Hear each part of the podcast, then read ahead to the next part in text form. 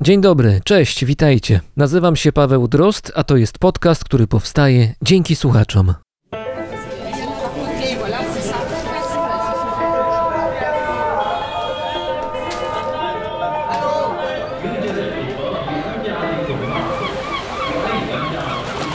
Brzmienie świata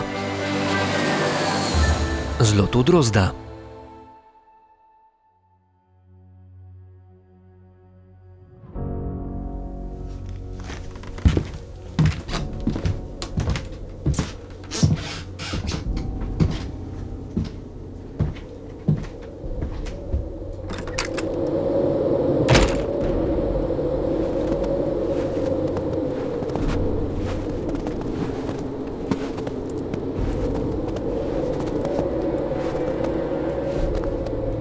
Pogoda była taka jak zwykle. Zimno. Od strony Morza Rossa docierał przenikliwy wiatr, który atakował ciało. Jak okiem sięgnąć, biało. Jedynymi punktami, które wyróżniały się z tła, były drewniane zabudowania bazy Little America oraz zakotwiczony w Zatoce Wielorybów amerykański okręt Straży Przybrzeżnej. North Star, bo tak się nazywał, zwykle brał udział w patrolach w okolicach Alaski, ale tym razem los przywiódł go na dalekie południe. Był 15 stycznia 1940 roku. Kilka miesięcy wcześniej w Stanach Zjednoczonych rozpoczęto przygotowania do amerykańskiej wyprawy do Antarktyki. Na pokładzie dwóch okrętów wyruszyło 125 ludzi. Ich zadaniem było przygotowanie trzech niezależnych od siebie stacji polarnych, by 59 Amerykanów mogło spędzić w Antarktyce zimę. Mieli w tym czasie przeprowadzić badania oraz zaznaczyć amerykańską obecność na białym kontynencie, ponieważ konkurencja nie próżnowała. Ekspedycją dowodził Richard Byrd, dla niego była to już trzecia wyprawa antarktyczna, ale pierwsza zorganizowana z takim rozmachem i za pieniądze amerykańskich podatników.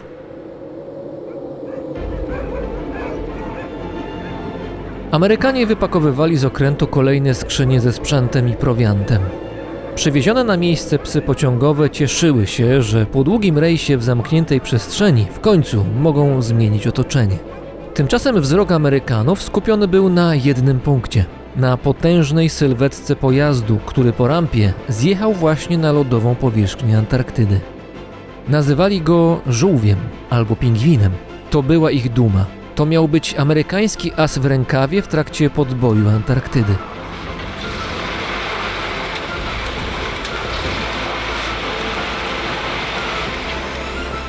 Jednak coś było nie tak. Pojazd z trudnością poruszał się w śniegu. Masywne koła o wysokości dwóch ludzi kręciły się w miejscu, a na twarzach widzących to polarników rysowało się niedowierzanie. Było jasne, że w spotkaniu z Antarktyką cud amerykańskiej inżynierii okazał się bezsilny.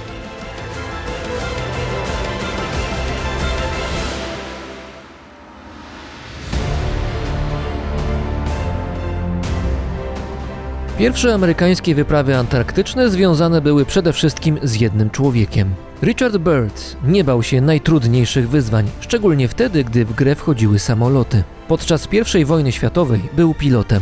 W 1925 roku brał udział w wyprawie polarnej na Grenlandii. Rok później, razem z Floydem Bennettem, zamierzał dotrzeć samolotem do bieguna północnego. Po raz pierwszy w historii. Twierdził, że osiągnął swój cel, ale nie ma na to dowodów. W 1927 roku jako pilot i członek amerykańskiej załogi wziął udział w wyścigu, w którym stawką był historyczny lot z USA do Francji bez międzylądowania. Mimo, że wyścig wygrał Charles Lindbergh, Byrd ze swoją załogą zrealizował plan krótko później i bezpiecznie przeleciał nad Atlantykiem. W kolejnym roku Amerykanin był już na Antarktydzie. Wtedy, jako jeden z czterech załogantów, przeleciał samolotem nad biegunem południowym. Pierwszy raz w historii. Od tego czasu Richard Byrd skupił się właśnie na wyprawach antarktycznych, których w sumie poprowadził aż pięć. Jedną z nich niemal przypłacił życiem. W 1934 roku podczas pięciomiesięcznej, samotnej misji w małej stacji Meteo, kiedy temperatury spadały nawet do minus 60 stopni Celsjusza, poważnie zatruł się tlenkiem węgla. Od niechybnej śmierci uratowali go koledzy. Gdy w Europie Adolf Hitler pokonał już Polskę i szykował się do ataku na Francję, w Stanach Zjednoczonych prezydent Franklin Delano Roosevelt wydał rozkaz. Na Antarktydę ma ruszyć oficjalna amerykańska wyprawa z Richardem Birdem na czele. Na biały kontynent oprócz ludzi miały popłynąć trzy pojazdy: transporter opancerzony, lekki czołg M2 oraz futurystyczny Antarctic Snow Cruiser. Był to jedyny w swoim rodzaju pojazd, nad którym prace trwały blisko dwa lata. Olbrzym. Maszyna miała 17 metrów długości i 6 metrów szerokości. Żółw, bo tak go nazywano, ważył 37 ton. Wejście do kabiny wymagało użycia drabinki, a w środku znajdowało się miejsce dla pięcioosobowej załogi.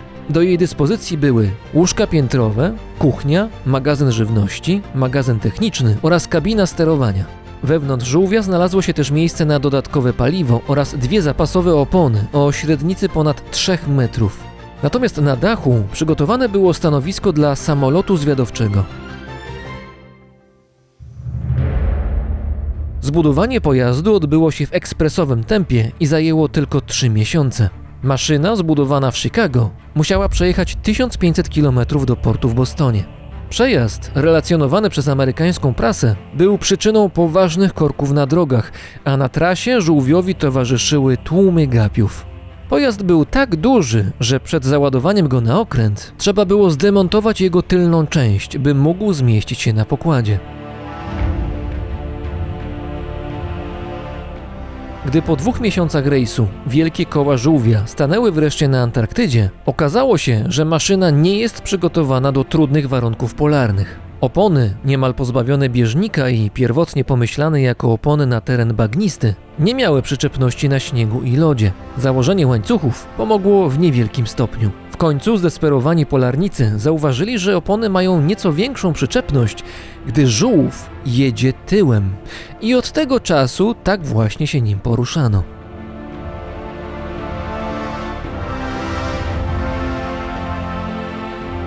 Antarctic Snow Cruiser okazał się bezużyteczny. Miał nieodpowiedni napęd i słabe silniki. Jego konstruktorzy przeprowadzili w USA zbyt mało testów w terenie, a te, które doszły do skutku, odbywały się na obszarach piaszczystych lub podmokłych, a więc w zupełnie innych warunkach niż pojazd miał pracować na dalekim południu. Plany, by z jego pomocą wypuszczać się w głąb Antarktydy, może nawet na biegun, musiały być odłożone. Gdy wojna w Europie nabrała rumieńców, amerykańscy polarnicy zostali ewakuowani do ojczyzny, a ich cud techniki został porzucony.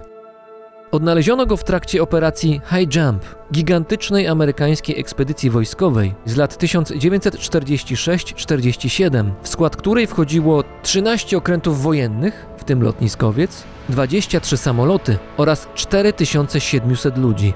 Gdy operacja została zakończona, żółw znowu pozostał sam. Po raz ostatni widziano go w 1958 roku, gdy był w dużej mierze zakopany w śniegu. Obecnie miejsce jego spoczynku jest nieznane.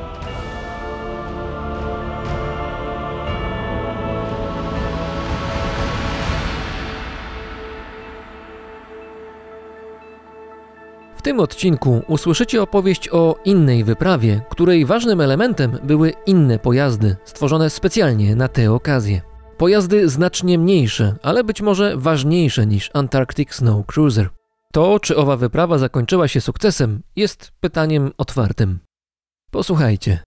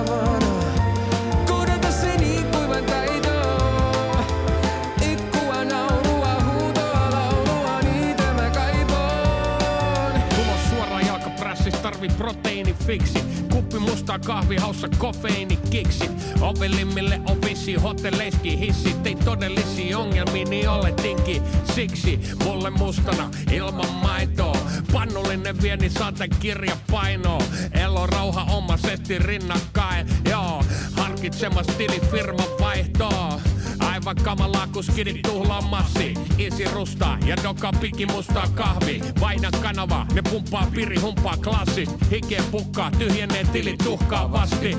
Mä kaipaan melu, koko kaupunki on hiljentynyt. Ja kasvoille on ilmestynyt joku ihme hymy. Mä pystyn siihen iskee takapihan fiilis. Kunhan keitä kupillisen arabia viini itsestä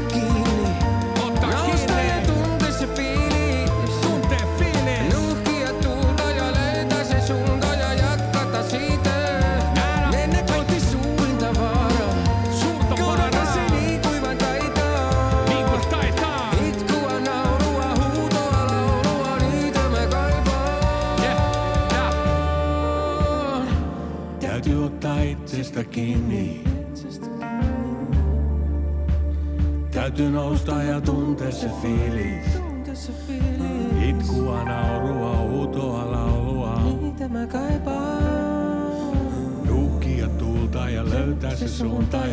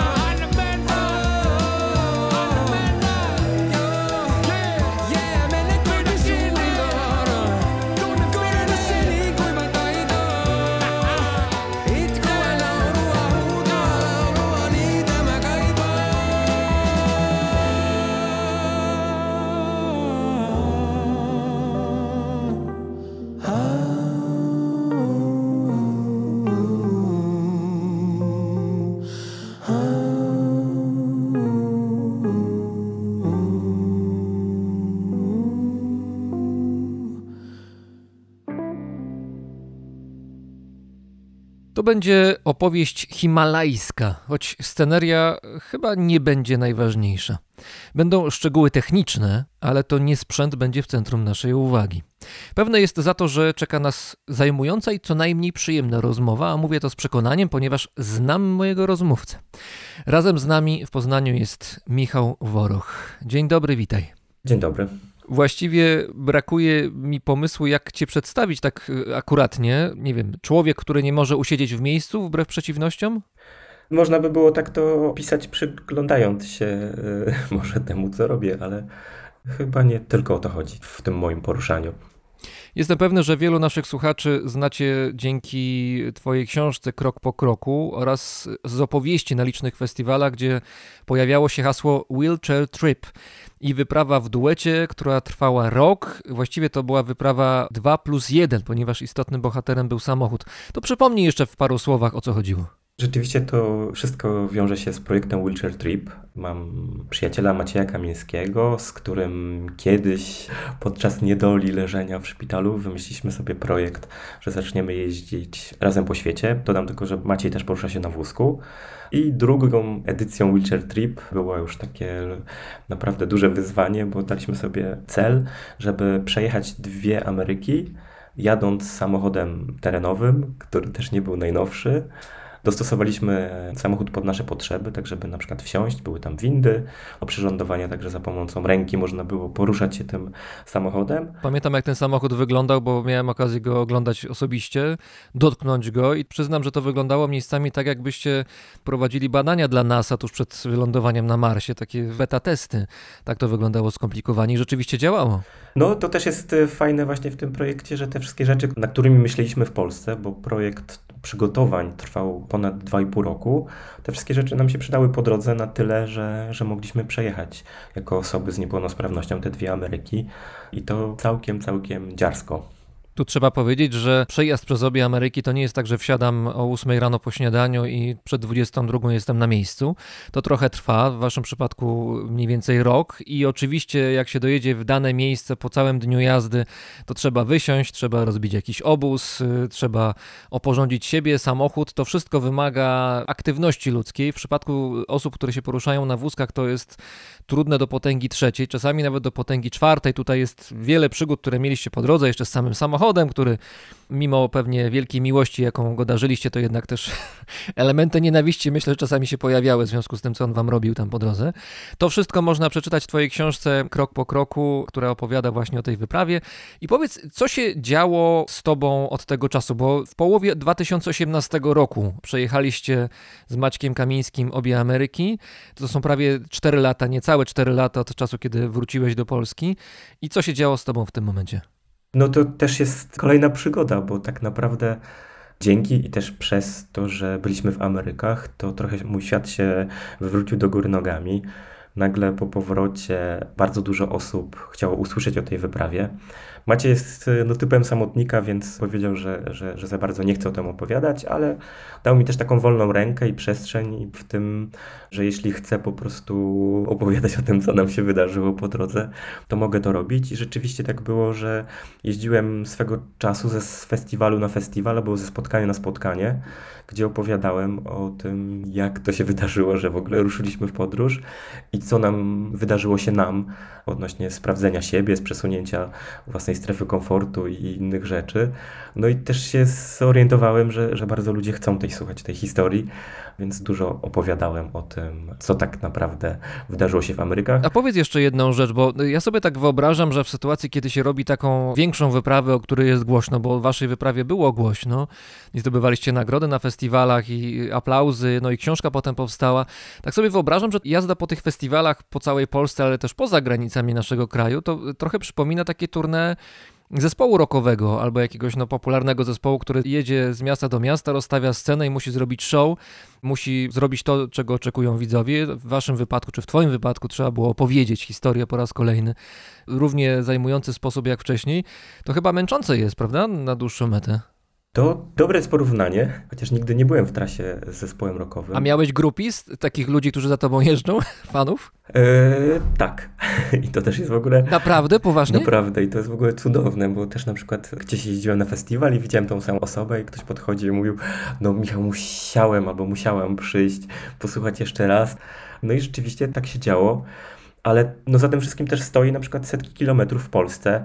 Ja lubię jeździć samochodem, ale czasami zdarzało mi się po prostu zatrzymać na, na parkingu autostradzie i spać po prostu na fotelu, Mhm. żeby dojść do siebie, albo dojechać gdzieś na koniec Polski i dojechać jeszcze chwilę wcześniej, żeby móc się przespać trzy godziny gdzieś na siedzeniu e, w samochodzie. No bo to jest później- wysiłek przecież. Człowiek się zużywa nie tylko przez to, że jedzie samochodem te ileś set kilometrów, czy ileś dziesiąt kilometrów, ale też tak czysto intelektualnie, no bo musisz się skupić, musisz przedstawić tę historię, musisz ją opowiedzieć, musisz ją przedstawić tak, jakbyś ją przedstawiał po raz pierwszy, mimo że robisz to któryś tam raz z rzędu.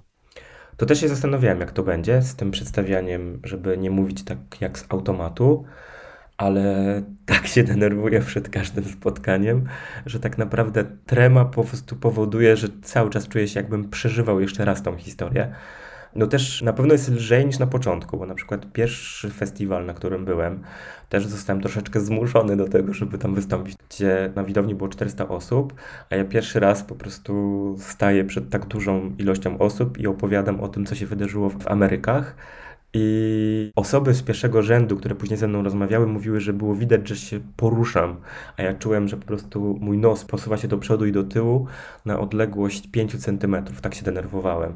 Teraz jest zdecydowanie lżej, ale też jest stres. Czasami no, nie muszę pić rano kawy przed jakimś festiwalem albo spotkaniem, więc cały czas to cały czas to jest ze mną i też często mi się zdarzało powiedzieć, że łatwiej jest przejechać dwie Ameryki niż o nich opowiedzieć. No ale ja sobie wyobrażam, że występy publiczne przed dużymi zgromadzeniami ludzkimi to jest przygoda sama w sobie. No ja sam też pamiętam swoje początki gdzieś tam radiowe lat temu, no już dawno temu i wiem, że, że to jest wyzwanie. No, człowiek musi się do tego jakoś przyzwyczaić, to wymaga doświadczenia, to wymaga pewnego obycia, a i tak po latach, myślę podobnie jak z tobą jest, ja też czasami miewam jakiś element takiej spinki, która akurat mnie napędza. Ja lubię troszeczkę być zestresowany, delikatnie, przed wystąpieniami publicznymi, bo to jakoś mnie mobilizuje do działania i umysł jakoś staje się jaśniejszy. Ale no, w twoim przypadku to było tak, że no, byłeś rzucony na głęboką wodę. Tak, dosłownie, rzucony na głęboką wodę, ale też na początku był taki stres, który naprawdę paraliżował, a teraz jest stres, który mobilizuje, więc podobnie chyba teraz mam jak ty. Że, To że, witam że, po mojej stronie wszechświata. E, No jest lepiej, to jest zdec- zdecydowanie, ale też w ogóle najpiękniejsze jest to, nie wiem czy też tak zauważyłeś, ale jak już się skończy daną wypowiedź czy trudną rzecz, to później przychodzi takie po prostu piękne uczucie, że człowiek jest zmęczony, ale cieszy się, że to się wszystko wydarzyło. No i tak zawsze mam po prezentacji i to też jest taki moment, że mówisz, a teraz jeśli mają Państwo jakieś pytania, to ja pytania lubię najbardziej. Uwielbiam po prostu, jak ktoś zadaje trudne pytania, bo wtedy tak łatwo się na te trudne odpowiada, tak po prostu z serca i już bez żadnych blokad. Ja też lubię pytania od publiczności. Zdarzają się takie, które są zupełnie poza tym rytmem rozmowy, która była wcześniej. Trochę mnie z tego rytmu wybija, łapie jakąś nową perspektywę. Jakie pytania w Twoim przypadku były takie, które miały na Ciebie podobny wpływ? Miałem taką sytuację, że oprócz e, jeżdżenia na festiwale, zawsze stwierdziłem sobie tak przed sam sobą, mówię, no dobra, jedziesz już gdzieś do jakiegoś miasta, to zrób jeszcze coś dobrego. I czasami, jak jeszcze nie było okresu pandemicznego, to zgłaszałem się czy do szpitali, czy do domów dziecka, czy do, do, do jakichś instytucji, które zajmują się dzieciakami albo osobami, które mają z niepełnosprawnością żyją. Jeśli to były spotkania właśnie u dzieci, to u dzieciaków zawsze były najlepsze pytania i takie najlepsze, jakie w ogóle pamiętam, to jak to jest jeździć na wózku, albo czy pan się denerwuje, że pan siedzi na wózku, albo czy panu smutno, że pan jeździ na wózku, albo czy, czy ma pan dziewczynę, mimo to, że jest na wózku, więc dużo takich pytań, które dorosłe osoby po prostu nie zadają. Tak, no tutaj dzieci nie mają zahamowań. Nie, i to w ogóle super. I teraz byłem właśnie w szkole, gdzie padło takich dużo takich pytań, to widziałem po prostu nauczycielkę, która spłonęła po prostu na twarzy. No, a ja mogłem sobie po prostu pozwolić na rozwinięcie tej myśli. No i to naprawdę jest, jest fajne, bo też człowiek sam musi się zastanowić nad tymi rzeczami. Ostatnio prowadziłem warsztaty z moją znajomą Moniką. Robiliśmy warsztaty dla osób z niepełnosprawnościami, tak żeby łatwiej wchodziło im się na rynek pracy. I też tam było bardzo dużo pytań i Monika mówi, to widać w ogóle po tobie, że się zastanawiasz mocno, że widać po prostu, że mimika się zmienia. No i rzeczywiście, jak są takie pytania, że człowiek aż mruży brwi, to to są najlepsze pytania. Ja w ogóle Cię kojarzę jako taką osobę, która jak gdzieś właśnie występuje publicznie, albo jak nawet jak występujesz w roli Michała Worocha, tego od wyprawy Wheelchair Trip, takiej oficjalnej bardziej roli, to mam obraz ciebie jako takiej osoby bardzo skupionej, bardzo skoncentrowanej. Niezależnie od tego, o czym rozmawiamy, czy rozmawiamy o tym, co dzisiaj będzie za chwilę na obiad na danym spotkaniu, czy o tym, jak ciężko się naprawiało Defendera waszego podczas wyprawy w Amerykach. Zawsze jest jakiś taki rodzaj determinacji w tobie, popartej jakąś taką chłodną analizą tego, co cię otacza i tego, co się da zrobić i tego, czego się nie da zrobić. Jakoś taki bardzo jesteś poukładany, przynajmniej tak cię odbieram. Dziękuję, to po pierwsze. Może zdradzę taki chyba największy sekret swój, że to nie tylko wynika z tego mojego skupienia, tylko też wynika z tego, że szanuję energię swoją. I to też jest tak, że, że jakbym był taki bardzo ruchliwy, to bym szybko się zmęczył. No niestety mam taką chorobę, że jak robię jakieś ruchy szybkie, to się męczę, więc też może wynikać to z szanowania energii własnej, ale też, żeby tak tego totalnie nie skreślić, co powiedziałeś, to jak, jak już mówię, to staram się tak mówić, żeby to płynęło ze środka po prostu. Mamy rok 2018, połowa tego roku. Wracacie z Maćkiem Kamińskim do Polski. Rozpoczyna się tournée, festiwale, książka, jak wspomniałem wcześniej. No i kolejne plany, które już zaczynają się pojawiać. Tutaj nowe hasło nad nami się pojawi. Wheelchair Trip Himalayas Challenge 2021. W ogóle powiedz mi, jak to się wymyśla takie nazwy wypraw? Dlaczego one muszą być takie skomplikowane i angielskie zwykle? To ja może zacznę od tego, jak to się zaczęło z wheelchair tripem. No. Ym, To dobra, to muszę się przenieść 2011. Szpital w Bydgoszczy, lato. Dwóch chłopaków siedzących na wózkach, którzy naprawdę nie chcą siedzieć w szpitalu, się rehabilitować. No i rozmawiam z Maciejem i tak od słowa do słowa mówię mu, ty stary, naprawdę podróże odmieniają życie, może coś zróbmy razem. Byłem w tej Mongolii, byłem w tych Indiach, może, może zróbmy coś razem, po prostu pojedźmy gdzieś. No i pomysł e, Maciej przyjął, no i mówimy, no to trzeba wymyślić jakąś nazwę.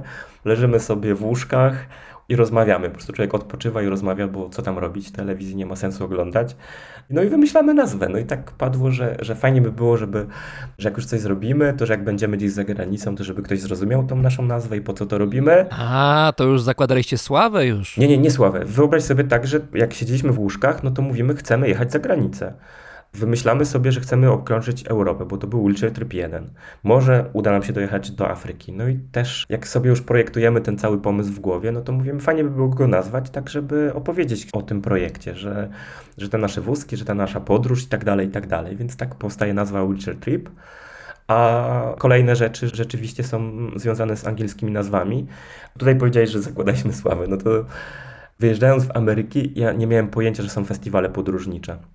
Pierwszy raz kontakt z festiwalem podróżniczym miałem taki, że jak zabrakło nam pieniędzy na przygotowanie Wheelchair Trip dwójki, czyli przez dwie Ameryki, wpisałem w internet grant na wyprawę.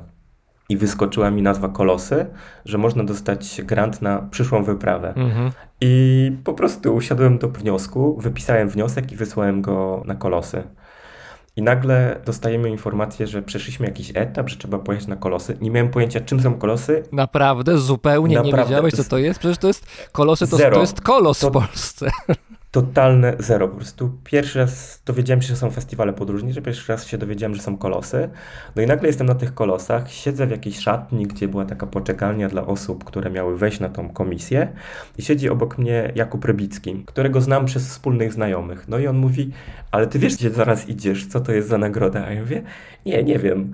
No i opowiedział mi w ogóle, czym są kolosy i co to jest w ogóle za nagroda Andrzeja Zawady i że naprawdę osoby tutaj, które podróżują po świecie, naprawdę starają się mega o tą nagrodę, a my dostaliśmy się już do dziesiątki, która ma przejść w ogóle kwalifikację, kto dostanie tą nagrodę. Bo tam nie tylko pieniądze, ale też duży prestiż, żeby dostać tę nagrodę. no to wysyłając wniosek, nie miałem o tym pojęcia. Też tam był taki warunek, że trzeba zrobić prezentację publiczną na fotoplastikonię, chyba tak to się nazywa.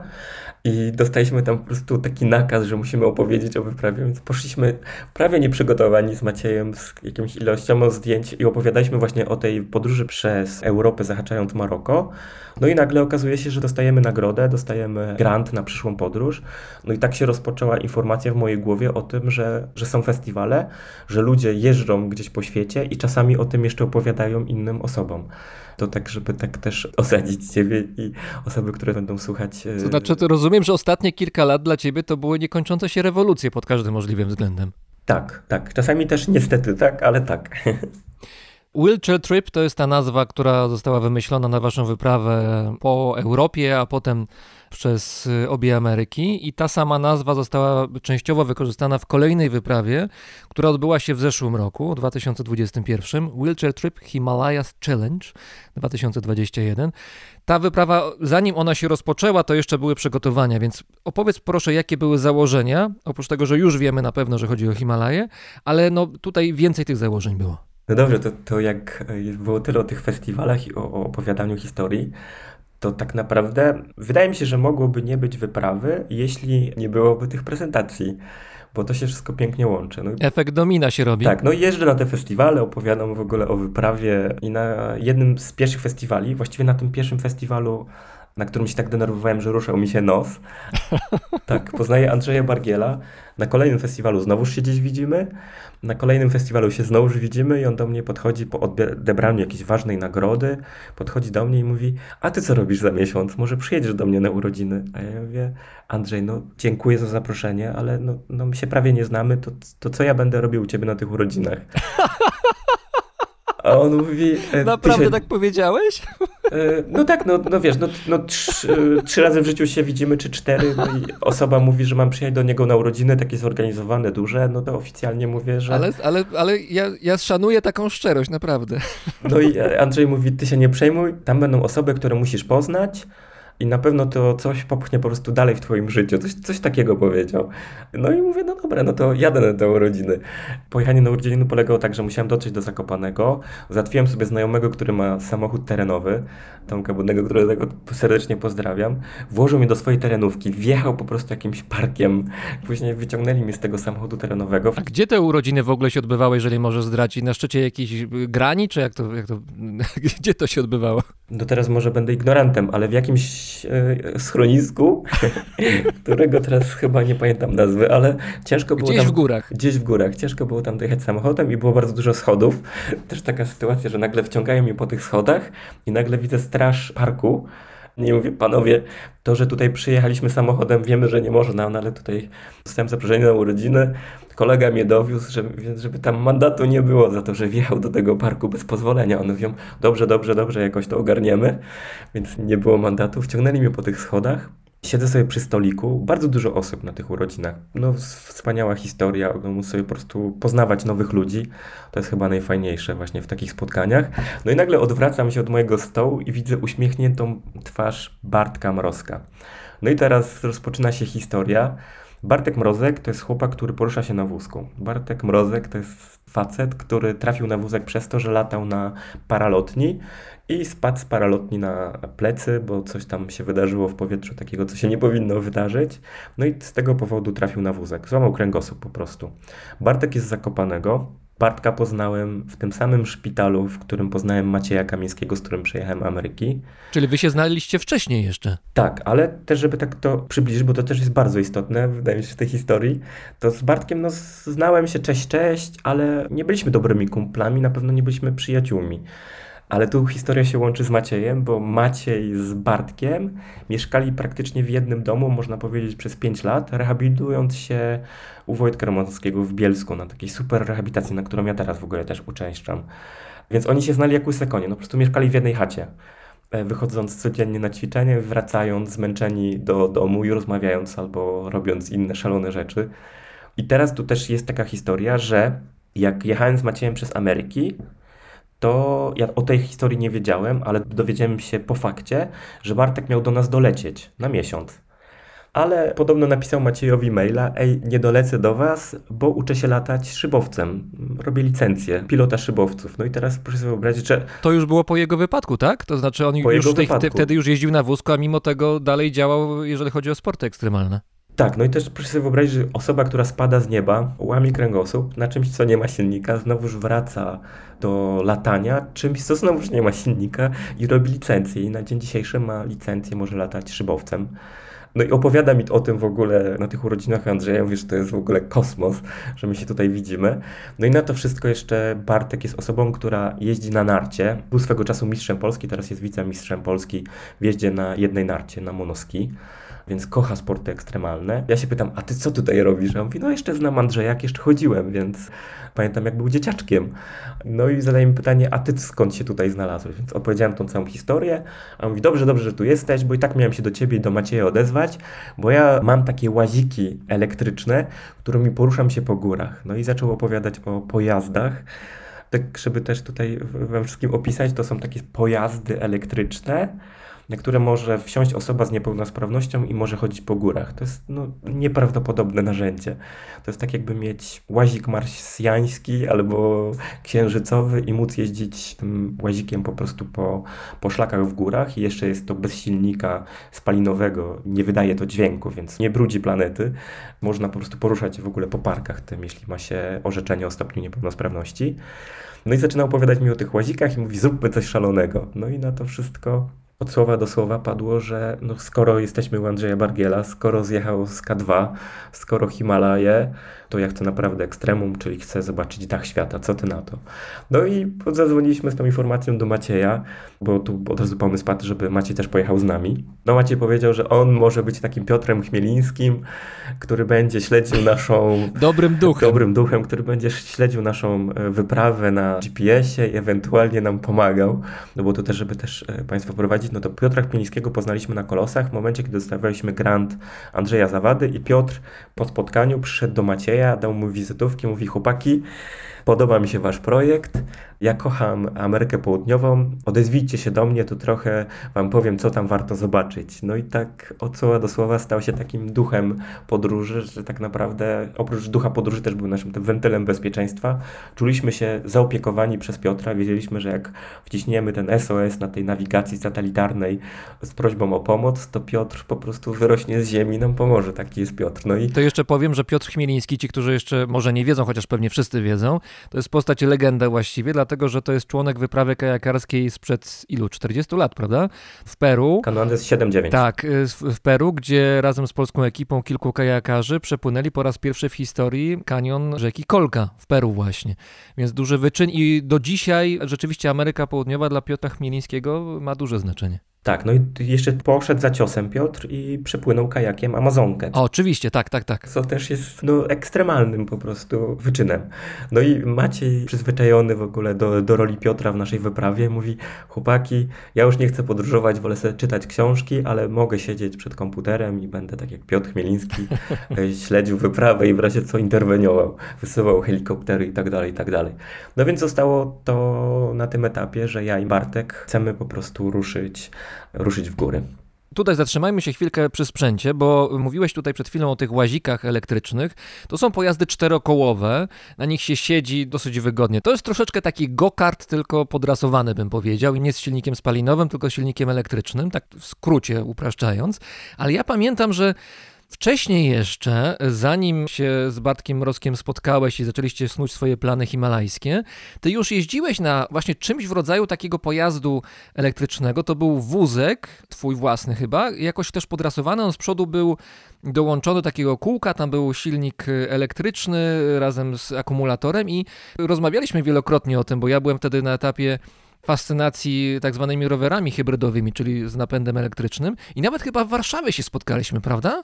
Ty jechałeś swoim sprzętem, ja jechałem swoim i się spotkaliśmy przypadkiem gdzieś na jakiejś drodze rowerowej. Tak, na Świętokrzyskiej wydaje mi się nawet. Chyba tak, tak. To też jest lekka historia, bo ja w życiu się zorientowałem, że czasami jak chcę gdzieś podróżować albo robić jakieś rzeczy, to muszę dostosować sobie przestrzeń do tego. Czyli w przypadku Mongolii, no to było zbudowanie takiego specjalnego pasa, który mnie trzymał do konia i od tego się zaczęło. Tak, bo tam konno jechałeś, to ważne. Tak, no i od tego w ogóle od, zaczęło się w ogóle moje myślenie o podróżach. Też jak e, dostałem propozycję, żeby pojechać do Mongolii, dostałem informację, że muszę nauczyć się jeździć konno, bo tam będziemy kilka dni jechać do takiej grupy nomadów, satanów mieszkającej przy granicy z Rosją, mieszkających wysoko w górach. Do tego miejsca nie dojedzie żaden samochód.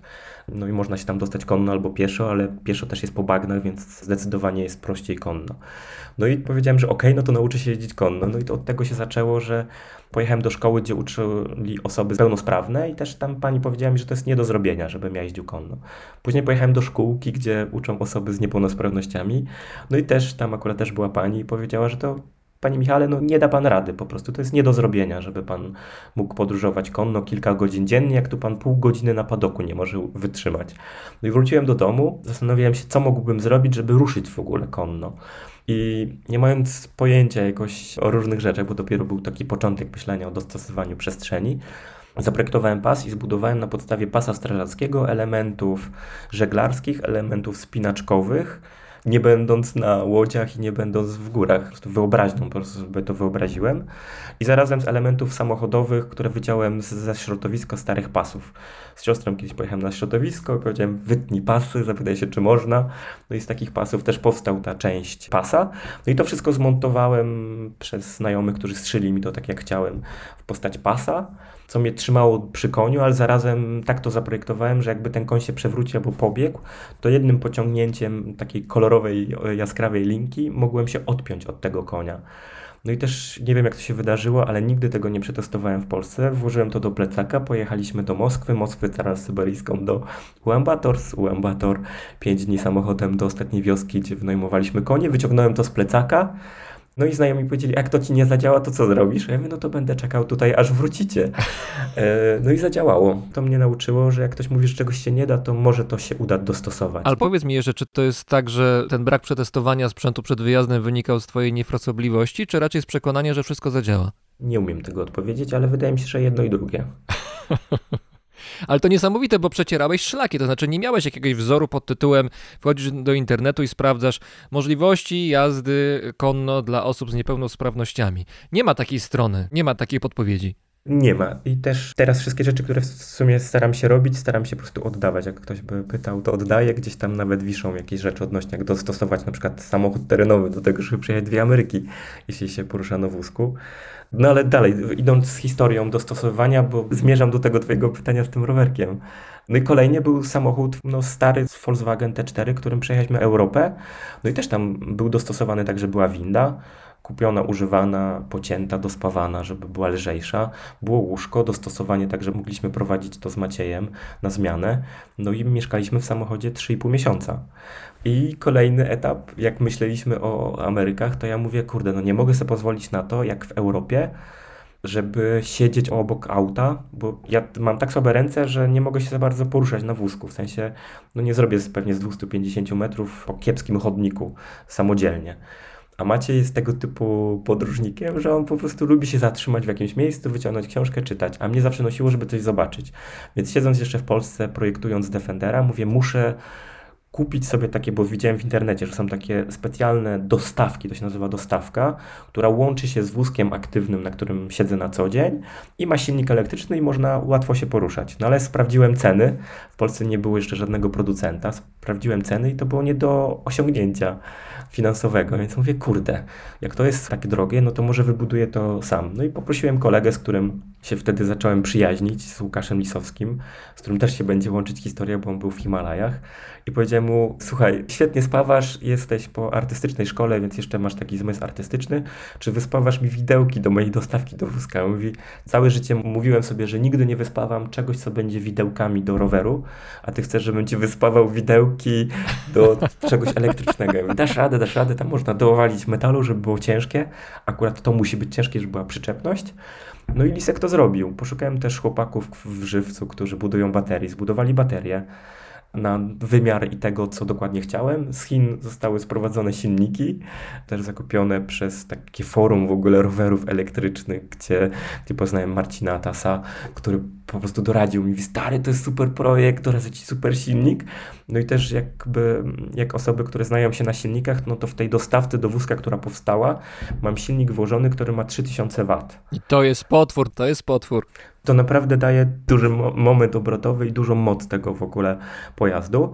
No i powstał tu tylko ten pojazd dlatego, że wiedziałem, że jak będę podróżował po tej Ameryce Południowej czy Północnej, to nie miałbym mm, serca prosić Macieja, żeby dopchnął mnie gdzieś dalej.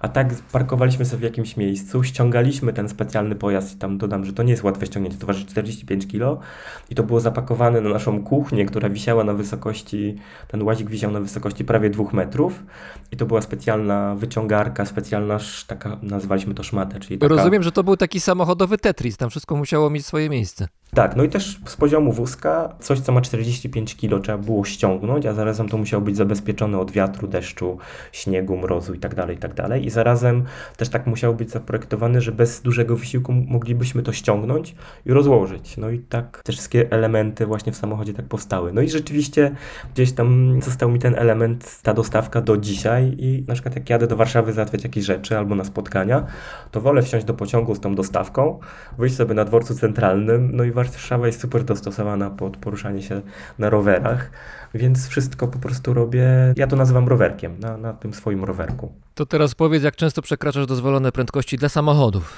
w tym rowerkiem. E, no, jeśli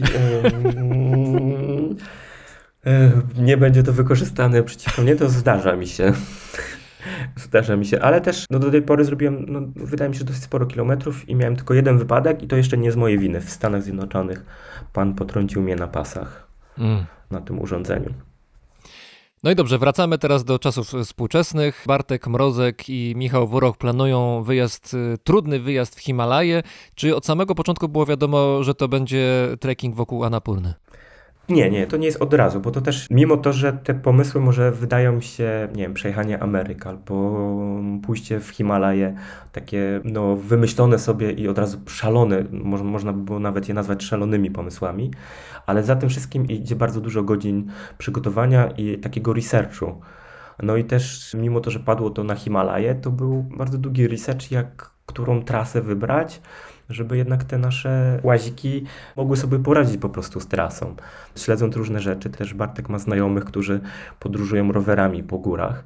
Dostaliśmy informację, że Annapurna może być łaskawa na te nasze łaziki, nie będzie prosta, ale jak da się przejechać rowerami, to może będzie łatwiej tam niż na przykład dookoła Manasu albo coś w tym stylu. No i też musieliśmy to tak ułożyć, żeby fizycznie sobie po prostu z tym poradzić. No i wszystkie informacje, które do nas dochodziły, mówiły o tym, że Annapurna będzie bardzo dużym wyzwaniem, ale też osiągalnym do zrobienia przez nas.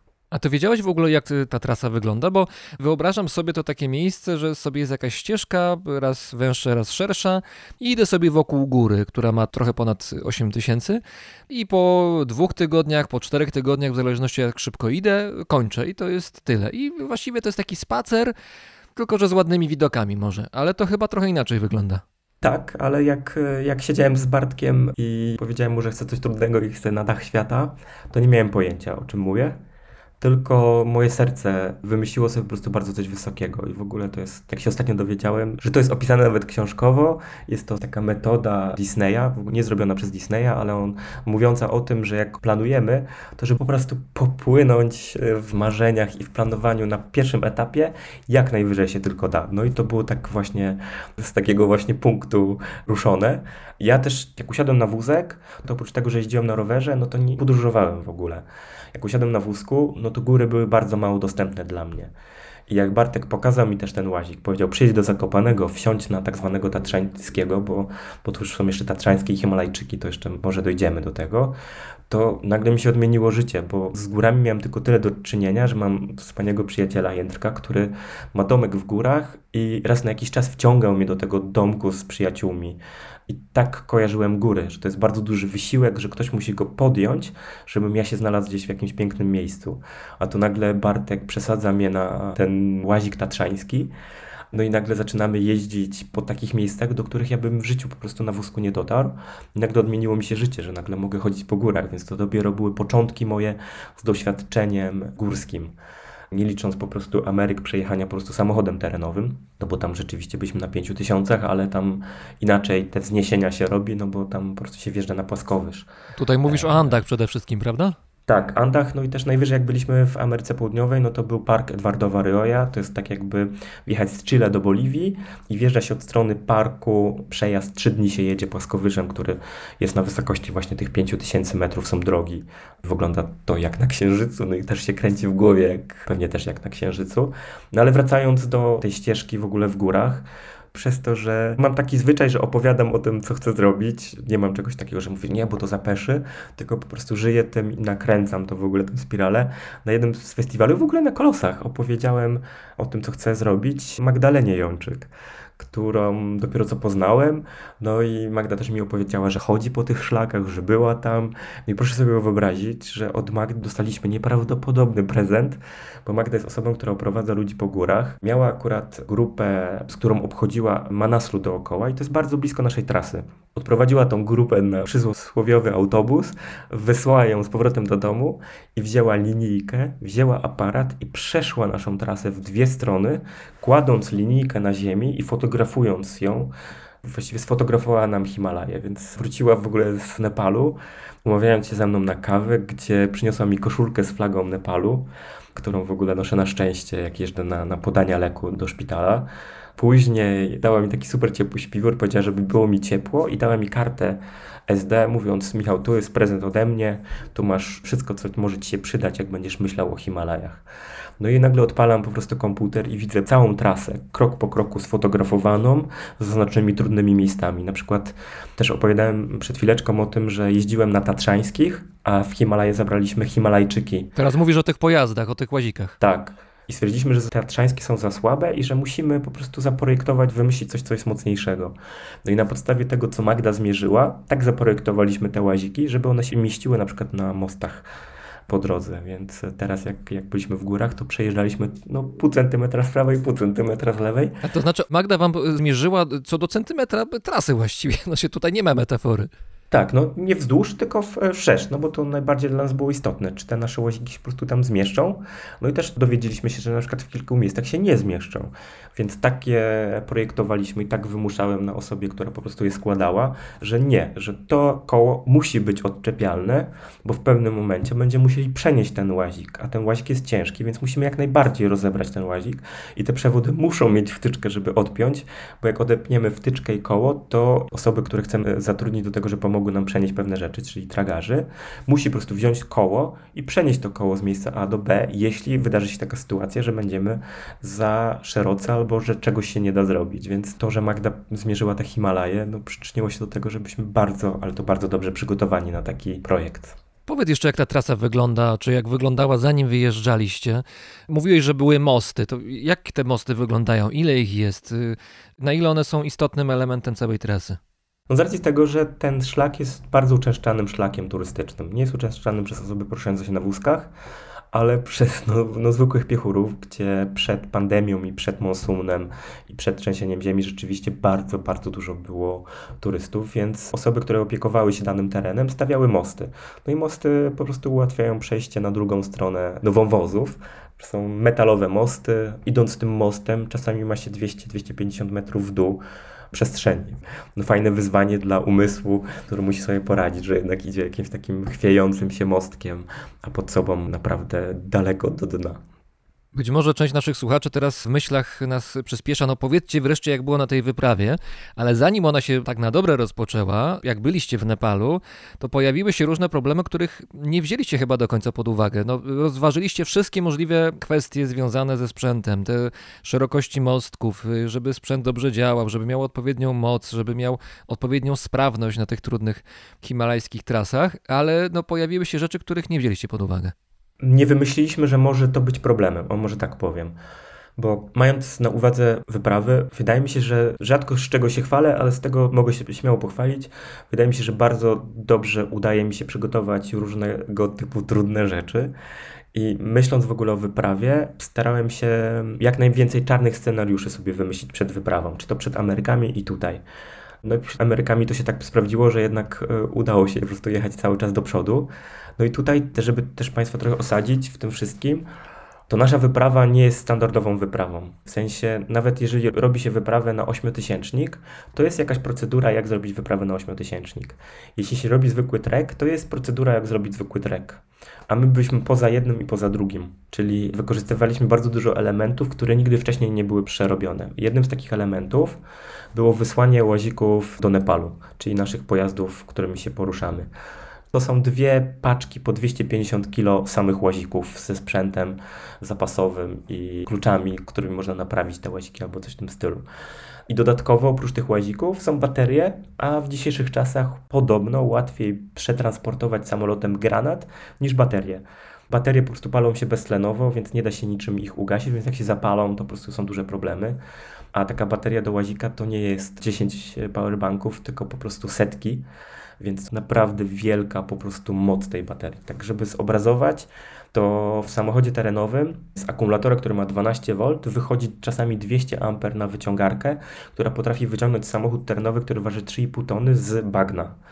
A w naszym przypadku przy prądzie 48 V, czyli 4 razy więcej niż te 12, też wychodzi 200 A, więc to jest nieprawdopodobna ilość energii puszczona w jednym momencie, więc naprawdę można tą baterią spawać największym takim problemem, który widzieliśmy w Polsce, to było jak wysłać łaziki i jak wysłać baterie do Nepalu. No i pierwszy pomysł był taki, że no najprościej wsiąść w Defendera, włożyć te baterie do samochodu i przejechać 7000 km do Nepalu. Naprawdę braliście to pod uwagę? No to jest najfajniejsza rzecz byłaby w tej wyprawie, żeby po prostu pojechać tam. I zacząłem już w ogóle śledzić to i przed pandemią miałem już rozwiązania. Znalazłem parę, która w ogóle podróżowała dużym Fiatem, pojechała przez Pakistan i zadałem im pytanie, w jaki sposób oni ten Pakistan, bo największym takim trudem, jaki widziałem w podróży, no to był przejazd przez Pakistan. No i okazało się, że jak dojeżdża się do Iranu, no to jak wjeżdża się do Pakistanu, dostawało się opiekę przez policję albo straż, wojsko i od przystanku do przystanku się jechało z eskortą policji, nocowało, tam ta policja wracała sobie, no i tak można było przejechać cały Pakistan, aż do Indii. No i wydawało mi się to po prostu najfajniejszą frajdą w ogóle, jaką można sobie zrobić przed wyprawą w Himalaje. Tak planowałem to od początku. Ale też mówię, no dobra, ale jak coś się wydarzy, muszę mieć jakąś alternatywę. Zacząłem szukać rozwiązań, jak można by było też te baterie przetransportować samolotem. No i okazało się, że jak się buduje własną baterię, to żeby ona mogła latać, musi mieć certyfikat. A żeby zbudowana bateria miała certyfikat, to z tego co ja się dowiedziałem, to trzeba zbudować około 18 czy tam 19 baterii i 18 zniszczyć, a jedną zostawić. Jeśli te 18 przejdą pomyślnie testy, a te testy są zniszczeniowe, czyli trzeba doprowadzić je do pożaru, albo przesilenia, albo zamrożenia itd., itd. I jeśli przejdą pomyślnie, no to ta ostatnia ma certyfikat, więc można z nią podróżować ale to też wiąże się z niewyobrażalną ilością pieniędzy. Po prostu najdroższa część łazika to jest po prostu bateria, więc nie byliśmy w stanie wybudować 18, które chcielibyśmy zniszczyć. Więc zacząłem szukać jeszcze dalej. No i okazało się, że, że jeśli ma się certyfikat na dane ogniwo, to jest już lepiej. No i też szukałem rozwiązań, jak te baterie można zbudować. A dodam tylko tyle, że jak jeszcze chodziłem, to chodziłem do liceum zawodowego i jestem z zawodu z wykształcenia monterem elektronikiem, więc prąd jest mi bardzo bliski. Na przykład prąd A, to znaczy, że masz zawodowe przygotowanie. Rozumiem, co tam się dzieje. Może nie jestem jakimś super przygotowanym mm, praktycznie technikiem, ale, ale rozumiem, co tam się wszystko w ogóle dzieje i jakieś podstawowe rzeczy potrafię zrobić. Czasami nie mam siły fizycznej, ale też potrafię, potrafię komuś wytłumaczyć, jak coś zrobić, żeby to działało. E, no i rzeczywiście z tymi bateriami no, wszystko było dla mnie jasne. No i w pewnym momencie stwierdziłem, że muszę poszukać jakieś ogniwa, które da się transportować. I znalazłem takie duże ogniwa, które, no na przykład, żeby porównać z małych ogniw, tak jak się buduje Tesla na przykład, to do takiej baterii musielibyśmy włożyć, no nie wiem, z 600 małych ogniw, żeby to miało sens.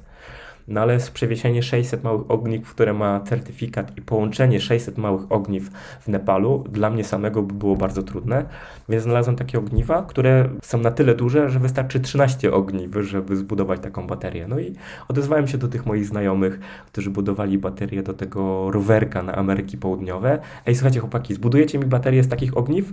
A oni mówią, zbudujemy. A jak chcesz to wyobrażasz? A ja mówię, trzeba je tak zbudować, żebym mógł je rozłożyć i później złożyć. Oni mówią, że to się nie da. Ja mówię, da się, da się, da się. I dostarczyłem mi taką skrzynkę i mówi, w tej skrzynce trzeba to zrobić. U jeszcze jednego znajomego wyfrezowaliśmy jakieś takie koszyki, żeby to się wszystko ładnie trzymało i było bezpieczne. No i chłopaki zbudowali baterię, którą można rozłożyć. No i pojechałem przed wyjazdem do nich, żeby się nauczyć rozkładać tą baterię, a zarazem złożyć ją w Nepalu.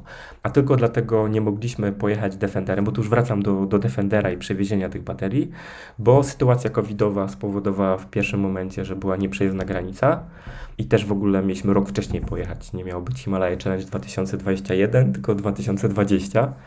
No i później, jak już granice były w miarę takie wyluzowane, to okazało się, że konflikt w Afganistanie nie pozwala przekroczyć granicy irańsko-pakistańskiej. Z tego, co się dowiedzieliśmy, po prostu zachodnia część Pakistanu jest na tyle niebezpieczna, że z Iranu nie pozwalają wkroczyć własnym samochodem do Pakistanu.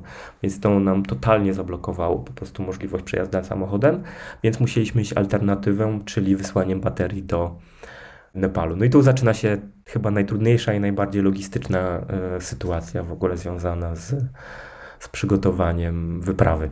Bo to jest tak, że przylecieliście wy, ekipa, e, na miejsce i trzeba było na te baterie jakoś czekać. To w ogóle przy okazji powiedzmy, z ilu osób składała się ekipa i kim byli jej uczestnicy, no bo to nie byłeś sam tam razem z Bartkiem. Tak, doszliśmy do wniosku, że, że nie chcemy ruszać na dwa wózki. Mówię na dwa wózki, bo tak jak jechałem przez Ameryki, to to było założenie, żeby bez niczyjej pomocy ruszyć po prostu w podróż, żeby sprawdzić no, samych siebie z Maciejem na tych wózkach, czy jesteśmy w stanie funkcjonować w ogóle w państwach, które no, nie ułatwiają wózkowiczom życia. Tutaj doszliśmy do wniosku, że no, nie ma sensu wyważać jakichś drzwi. Fajnie zaprosić do projektu osoby, żeby zwiększyć po prostu bezpieczeństwo po pierwsze i zwiększyć szanse na ten wyjazd. No i na początku, myśląc w ogóle o osobach, zaprosiłem od razu Witaja, z którym studiowałem na intermediach. To jest chłopak, który mieszka na co dzień na Litwie, jest, mieszka w Wilnie, jest fotografem i zadałem mu pytanie, czy nie chciałby ze mną pojechać, po prostu pokręcić, porobić zdjęcia. No i powiedział, że to jest super pomysł, e, żeby to zrobić. Później e, zaprosiłem Łukasza Lisowskiego, to jest chłopak, z którym się zaprzyjaźniłem. To jest osoba, której zapytałem, czy wyspawa mi te widełki do tego mojego rowerka. No i też stwierdziliśmy z Bartkiem, że, że budowanie teamu też będzie też bardzo zadaniami postawione. No i też zaprosiliśmy Łukasza do projektu, że wiedzieliśmy, że jak coś nam wydarzy po drodze, no to nawet jak nam odpadnie koło, to wiedzieliśmy, że ten lisek po prostu je przyczepi do tego łazika i pojedziemy dalej. W skrócie mówiąc, on pełnił rolę mechanika. Mechanika i też technika, też Lisek całe życie pracował na wysokości, więc zna się w ogóle na wiązaniach tych wszystkich i tak dalej, i tak dalej, żeby też zwiększyć bezpieczeństwo, czy zrobić jakieś stanowisko, bo czasami tak sobie wyobrażaliśmy, że trzeba będzie takie rzeczy wykonać. No i też na jednym z festiwali podróżniczych poznałem Bartosza Malinowskiego, który zawsze opowiadał o tym, jak przeszedł Himalaję pieszo, więc po jakiejś prezentacji jego siedzimy już przy stole i tak pokazuję na telefonie Bartkowi te pojazdy. Mówię, Malina, da radę tymi łazikami dookoła Annapurny? A on mówi, nie wiem, czy da radę, ale idę z wami. Więc się już zrobił pięcioosobowy team. To jeszcze dodam, że Bartosza Malinowskiego nasi słuchacze pewnie kojarzą z wypraw, z cyklu wypraw pod hasłem Wielki Szlak Himalajski. To można sprawdzić jeszcze w internecie. Tak, no i też myśleliśmy, że będzie po prostu człowiekiem od gór na wyprawie. No i oprócz tego, gdzieś na jednym z festiwali poznałem Elizę Kubarską, z którą się bardzo polubiliśmy. Eliza po jakichś paru godzinach zadała mi pytanie, czy mogłaby nakręcić o mnie film. Ponieważ jest reżyserką e, filmów dokumentalnych oraz sama się wspina regularnie od dawna. Tak. No i powiedziałem Elizie, że nie ma takiej opcji, że nie chcę, żeby ktoś kręcił o mnie film. Trochę jej opowiedziałem w ogóle o sobie, o tym, że są Himalaje o tym, że myślę, żeby nakręcić tam film, bo żeby też słuchaczy i ciebie jakoś tak um, zbliżyć do tego, dlaczego film, bo jak wymyśliłem sobie przejazd przez Ameryki z Maciejem, to na początku wymyśliliśmy sobie coś takiego, że pojedziemy do dżungli, do szamanów, i nakręcimy film dokumentalny o tym, jak dwójka chłopaków jedzie do szamanów w poszukiwaniu eliksiru, który postawi nas na nogi. No i tuż przed podpisaniem umowy producenckiej, mając już całą ekipę, czyli Witaja, który pojechał teraz na tą wyprawę, miał być operatorem, moja przyjaciółka, która jest reżyserką i operatorką, też miała pojechać z nami w ogóle do tej dżungli, Maciej powiedział, że nie chce być kręcony. No i wtedy przerzuciliśmy w ogóle całą energię na Defendera i budowanie tej historii na Defenderze i ruszeniu dwóch chłopaków, a nie kręceniu filmu do dżungli. No to stwierdziłem, że jak Anapurna, no to może po prostu spróbować zrobić ten film, który cały czas mi się marzył. No i z racji tego, że poznałem Elizę, zadawałem jej miliard pytań odnośnie tego, jak się przygotować do, do robienia filmu. I ona mówi, no już, no dobra, dobra, pytasz już tyle razy, no to co ty na to, może, może zróbmy razem ten film. No i tak doszliśmy do wniosku, że robimy współreżyserię filmu o tym, jak ruszamy w górę, a bardziej też chyba wychodzi nam na to, jak to ja planuję te wszystkie rzeczy i ruszam w górę i tą historię życia też fajnie było powiedzieć, nie tylko same, same Himalaje. Więc do projektu dołącza Eliza Kubarska i też tuż przed wyjazdem zapraszamy Marcina Sautera, czyli operatora, który rusza z nami. No i taką ekipą zmagamy się z szlakiem Annapurny. Ale zanim się zmagacie, to jeszcze czekacie na te nieszczęsne baterie, prawda? No tak, trzeba było wysłać te łaziki i baterie na koniec świata. To też w ogóle za tym idzie piękna historia, bo jak jechaliśmy przez Ameryki, to poznałem firmę, która się sama do nas w ogóle odezwała, firma Adecon, która wysłała nam Defendera na kraniec świata, która nam później wysłała silnik do Stanów Zjednoczonych, żebyśmy skończyli wyprawę i wrócił ten Defender do Polski. I oni się tak zakochali w ogóle w nas, w Wheelchair Tripie, że powiedzieli, że jak wymyślę jakiekolwiek wyprawy na krańce świata, to oni zawsze będą mi wszystko wysyłać.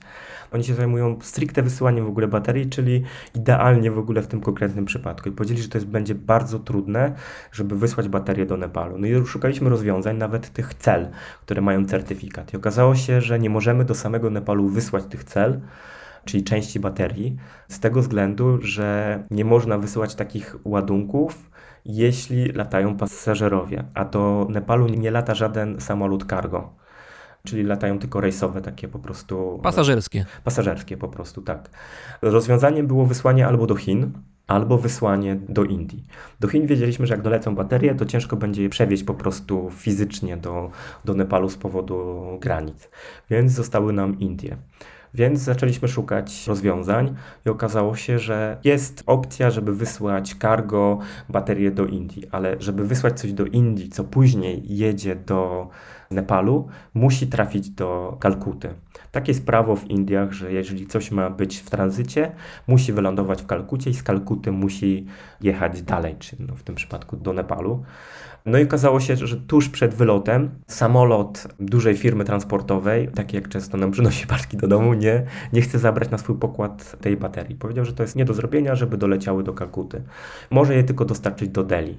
No i tu zaczęły się schody, bo okazuje się, że jak dotrą do Delhi, to nikt nie będzie w stanie ich wyciągnąć, żeby włożyć do jakiegokolwiek środka lokomocji, żeby zawieźć je do, do Nepalu. Więc zaczęliśmy szukać rozwiązań. Pierw ambasada. Mieliśmy bardzo dobre przygotowania, mieliśmy list żelazny z Ministerstwa Spraw Zagranicznych. Stwierdziliśmy, że to może ułatwić, co się jednak okazało nieprawdą. Ambasada powiedziała, że nie jest w stanie nam pomóc. Konsulat też powiedziały, że nie są w stanie nam pomóc. Później szukaliśmy firm zaprzyjaźnionych, które no, zajmują się turystyką. Tam też powiedzieli, że nie dadzą rady. Firmy, które zajmują się logistyką transportu, też powiedziały, że to jest nie do zrobienia znajomi rodzin, którzy mają rodziny w ogóle w Nepalu, też mówili, że to jest nie do zrobienia, że dzwonią, pytają, nie do ogarnięcia. My już jesteśmy w drodze, już jesteśmy prawie na miejscu, bo początkowo po prostu ta procedura była zamknięta do końca, a tu nagle okazuje się zmiana, a my już jesteśmy w Katmandu. No i nagle przychodzi mi do głowy myśl, że jak kończyłem przejazd z Maciejem przez Ameryki, jak dojechaliśmy na najdalej wysunięte miejsce Ameryki Północnej, do Dead Horse, do miasta prawie widmo, w której pracują pracownicy, którzy wydobują paliwa kopalniane albo wojskowi, nie ma tam dzieci na przykład. Jak jesteśmy na końcu naszej wyprawy, czyli przejeżdżamy z Ushuaia na Alaskę, spotykamy trzech Hindusów, którzy zaczynają swoją podróż życia którzy wysłali swoje trzy motory na Alaskę i chcą przejechać dokładnie tą trasę co my, tylko w drugą stronę. No i rozmawiamy, pijemy sobie w ogóle herbatkę, jemy kolację, rozmawiamy 5 godzin w życiu. No i zaprzyjaźniamy się na tyle, że wymieniamy się social mediami. No i po latach odzywam się do jednej z tych osób i mówię: Deepak, potrzebuję Twojej pomocy. Utknęły mi baterie, wiesz, bo widziałem, że tam lajkował te nasze wyprawy. Wiem, że wiesz, że startujemy w Himalaje, chcemy zrobić to i to. Utknęły nam baterie w Delhi, czy jesteś w stanie je wyciągnąć? On na to mi mówi, że Michał, są dwa duże problemy. Po pierwsze, moim zdaniem będzie to nie do zrobienia, ale ja to zrobię, bo Indie mają podpisaną taką umowę, że nie można sprowadzać ogniw, czyli baterii jakkolwiek do Indii. A druga rzecz, jeśli coś idzie do Nepalu, to musi iść z Kalkuty, a nie z Delhi. Ale ja spróbuję się to załatwić. No i zzywa się po dwóch dniach i mówi, ja to załatwię. Odbiorę to z urzędu celnego, a później załatwię tak, że przejedzie to granicę indyjsko-nepalską. No i my już ucieszeni, że wszystko rozwiązane, czekamy na te rozwiązania. No i nagle okazuje się, że ta duża firma transportowa nie weźmie w ogóle tych baterii na pokład do Delhi. Więc cała procedura znajdowania drugiego samolotu cargo, który ma to wziąć. No i druga konkurencyjna, duża też firma z takimi logotypami na samochodach, jak można widzieć, też ma samolot cargo do Indii i mówi, że to weźmie. No i okazuje się, że wszystko wypełnione dokumenty, jakieś dostarczone nowe certyfikaty i tak dalej, i tak dalej. I okazuje się, że nie biorą tego na pokład. Ale zaraz, No poczekaj. momencie- Gdzie powiedzieli, że wezmą i w ostatnim momencie nie wzięli, to dlaczego tak? że jednak to jest niebezpieczne. Mówi, że to już zabrane. Nawet no, mamy track wysłany przez tą naszą ukochaną firmę, że o, śledźcie waszą przesyłkę, ona już jest nadana. Dostajemy informację, że tak jakby te baterie ogniwa były już w Delhi, ale de facto ich nie było. Po prostu z racji tego, że jeszcze jakiegoś papierka bezpieczeństwa brakowało, ktoś nie włożył ich do samolotu. Więc Deepak był na lotnisku, już w tym urzędzie celnym, już czekał na te baterie, już tam wszystko dogadane ze znajomymi znajomych, znajomych znajomych. I okazuje się, że, że nie ma tych baterii. Dzwoni do mnie Deepak, mówi, ej, one są jeszcze w Polsce. No i dzwonię do tej zaprzyjaźnionej firmy, no i ta firma już zdenerwowana mówi, jak to jest możliwe, przecież wszystko dopełniliśmy i tak dalej, i tak dalej. I okazało się, że ktoś nie włożył do samolotu ich, więc kolejna raz procedura w ogóle kolejnych certyfikatów, bo okazało się, że, że z racji długiego weekendu w Polsce jakiegoś nie doszły jakiś mail, że jeszcze jeden certyfikat jest potrzebny, bo te baterie naprawdę są niebezpieczne. No i zostały włożone do, do samolotu już z tym kolejnym certyfikatem. Deepak je odbiera, dzwoni i mówi: Michał, mam je w ręce, ale nie zrobię tak, żeby ktoś je przywiózł. Ja przywiozę ci je osobiście. Dodam, że Delhi, Katmandu to jest 1000 km, w większości po bezdrożach. Jeszcze z granicą covidową, którą trzeba przekroczyć. Nie ruszę dzisiaj, bo jutro będę dziadkiem.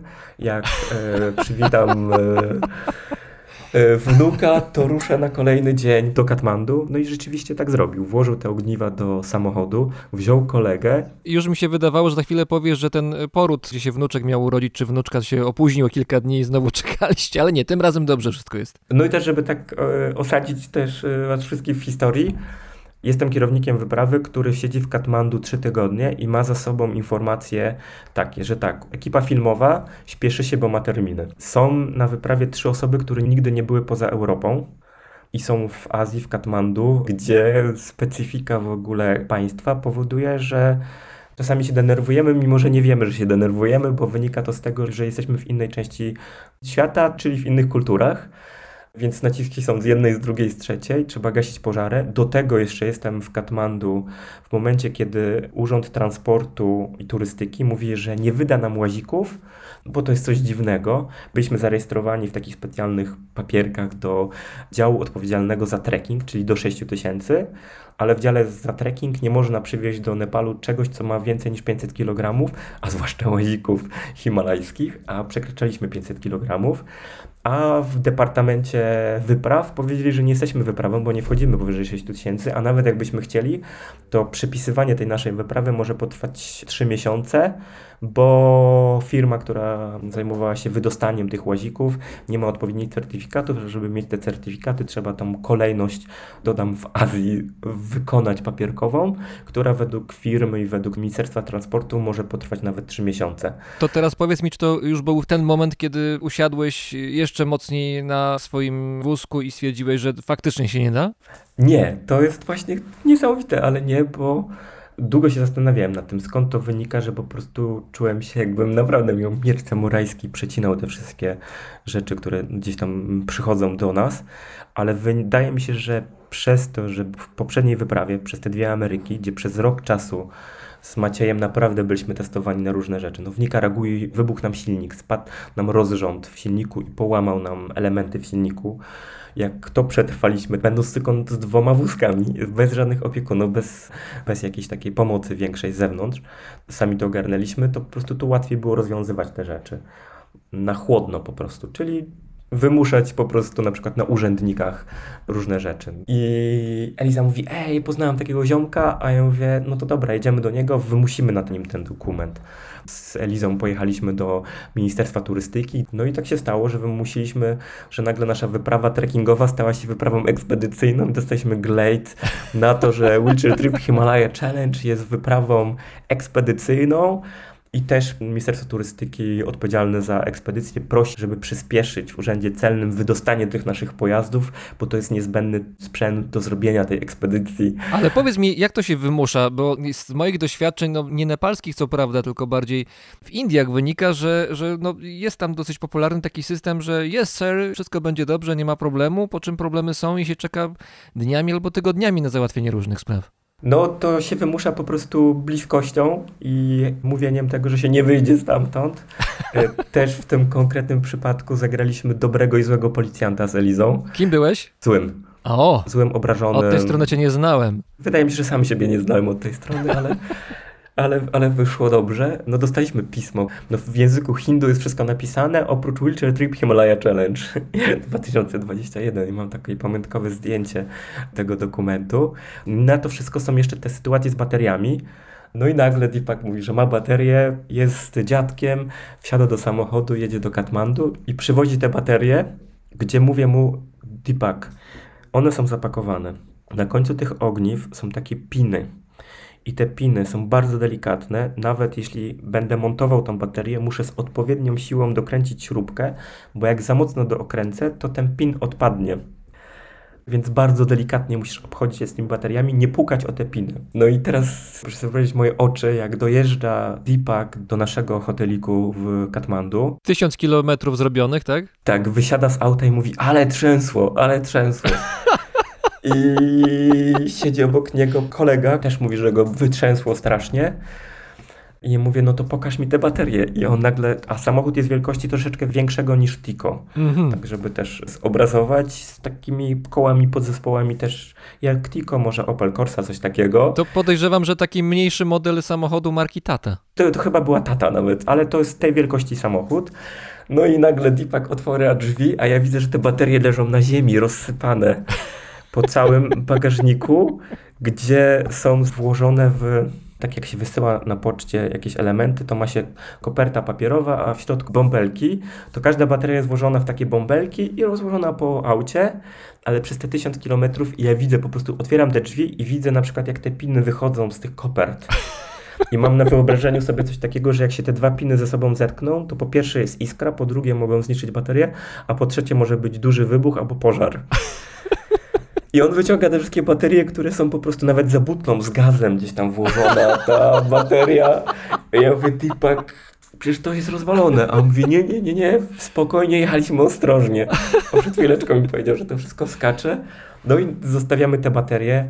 Ja nie mogę wytrzymać, więc biorę po prostu miernik i każdą z baterii sprawdzam. Mają idealny prąd, więc mówię spoko. Nie wierzę w to, że te wszystkie baterie nadal mają te piny, bo w Polsce na przykład jak uczyłem się rozkręcać, to dwie baterie więcej wysłałem z tego względu, że przy budowie albo rozkręcaniu urwały się te piny. Miałem tylko dwie szanse więcej na to, żeby coś... Żeby... Czyli to ryzyko uszkodzenia było realne. realne. Dwa ogniwa więcej zostały wysłane do Nepalu, a nie mieliśmy też za bardzo pieniędzy, żeby wysłać więcej. No i jemy kolację i zadaję pytanie Deepakowi, no dobra Deepak, a dlaczego ty te baterie przywiozłeś? No i on mówi tak, Michał, poznaliśmy się w podróży, ja jestem człowiekiem podróży, ja podróżuję, ty jesteś człowiekiem podróży.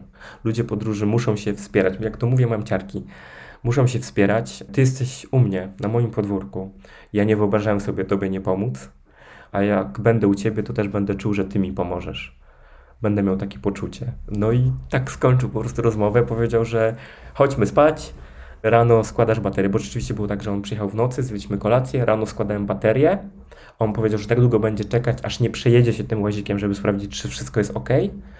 Skończyliśmy w ogóle chyba o 21 pierwszy łazik, przejechał się, wszystko działało. Do czwartej rana składaliśmy kolejną baterię, a o 5.30 wyjechaliśmy pod Annapurnę. No i co, z Deepakiem jest tak, że uściskaliśmy się i powiedział, że jak będzie ruszał na motory w Europę, to przyjedzie do Polski. To pozdrawiamy Deepaka i jego wnuczka czy wnuczkę, skoro już wszystko się dobrze skończyło. I ruszyliście na trasę wokół Anapurny i wydawało się, że świetlista trasa przed wami, same przyjemności i wreszcie ten plan można zrealizować, a tutaj kolejne problemy. Yy, Tak, tak. Yy, Właśnie po pierwsze, planując wyprawę, stwierdziliśmy, że jedynym możliwym terminem, jaki wybieramy, żeby zrealizować wyprawę, to jest termin po monsunie i przed zimą. Czyli taka późna jesień, wczesna zima. Jeśli wybierzemy wiosnę, to będzie za dużo śniegu, a te łaziki nie za bardzo lubią śnieg.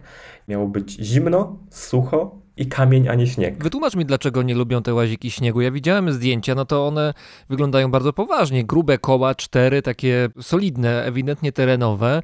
Moc odpowiednia w silniku, no bo rozmawialiśmy już o tym. No to w czym problem? Jak się okazało później, one jeżdżą po śniegu i dają sobie radę, ale szybciej na przykład schodzi temperatura, albo jest większe ryzyko tego, że przez śnieg coś się uszkodzi.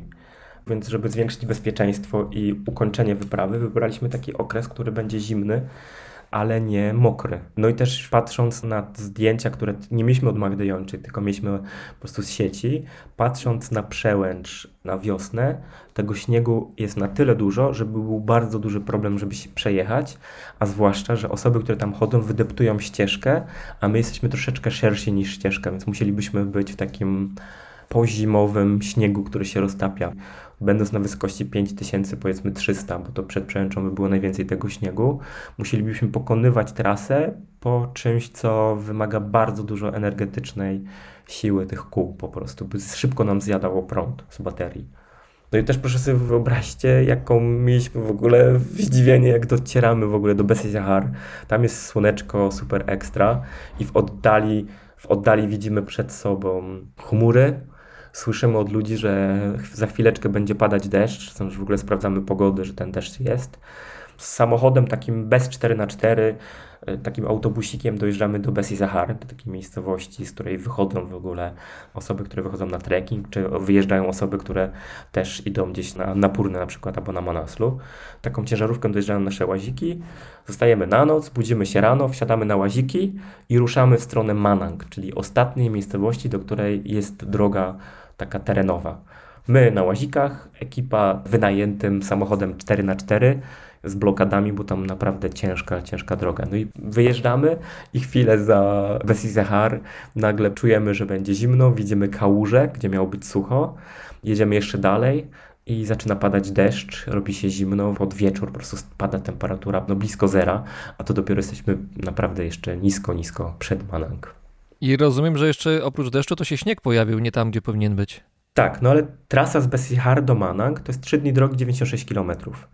Ten ostatni odcinek to już była mrzawka i zamarzające na przykład fragmenty na kurtkach albo na spodniach.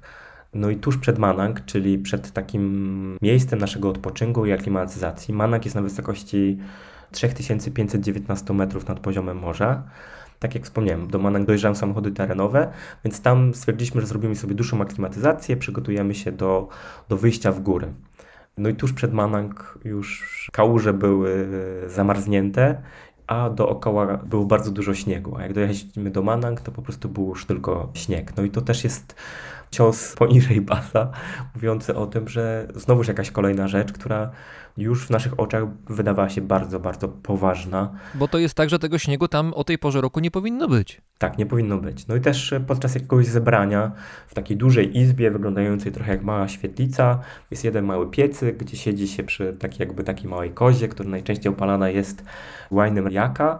Wszyscy sobie siedzą, jedzą posiłek, no i podczas takiego zebrania przychodzi właściciel najwyższego schroniska na naszej trasie i zaczynamy chwilę rozmawiać i on mówi, panowie, na tych łazikach nie dacie rady tam wjechać.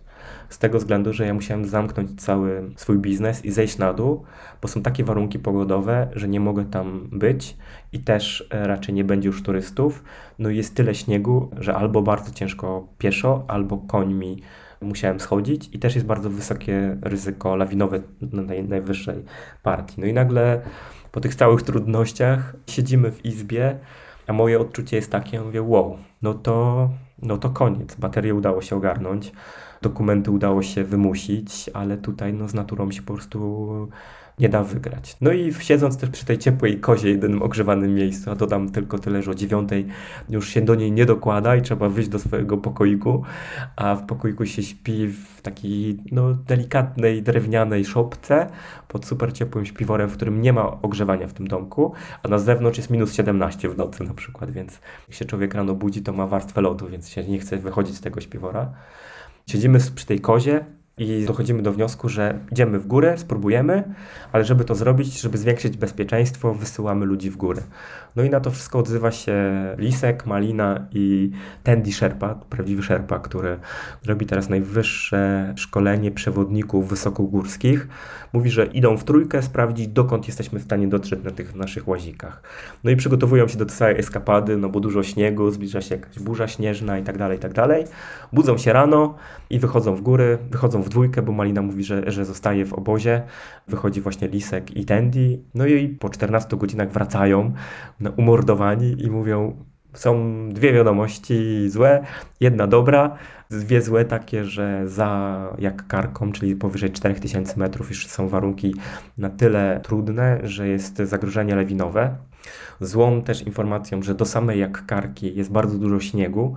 Dobrą jest taką, że do samej jak karki nie ma zagrożenia lawinowego i że jeśli się uprzemy i włożymy bardzo dużo siły, to jest szansa, że dostaniemy się do Jakarki. Dodam tylko tyle, że z Manang do Jakarki jest 12,5 km, idzie się na wysokość 4050 metrów, jak Karka jest położona.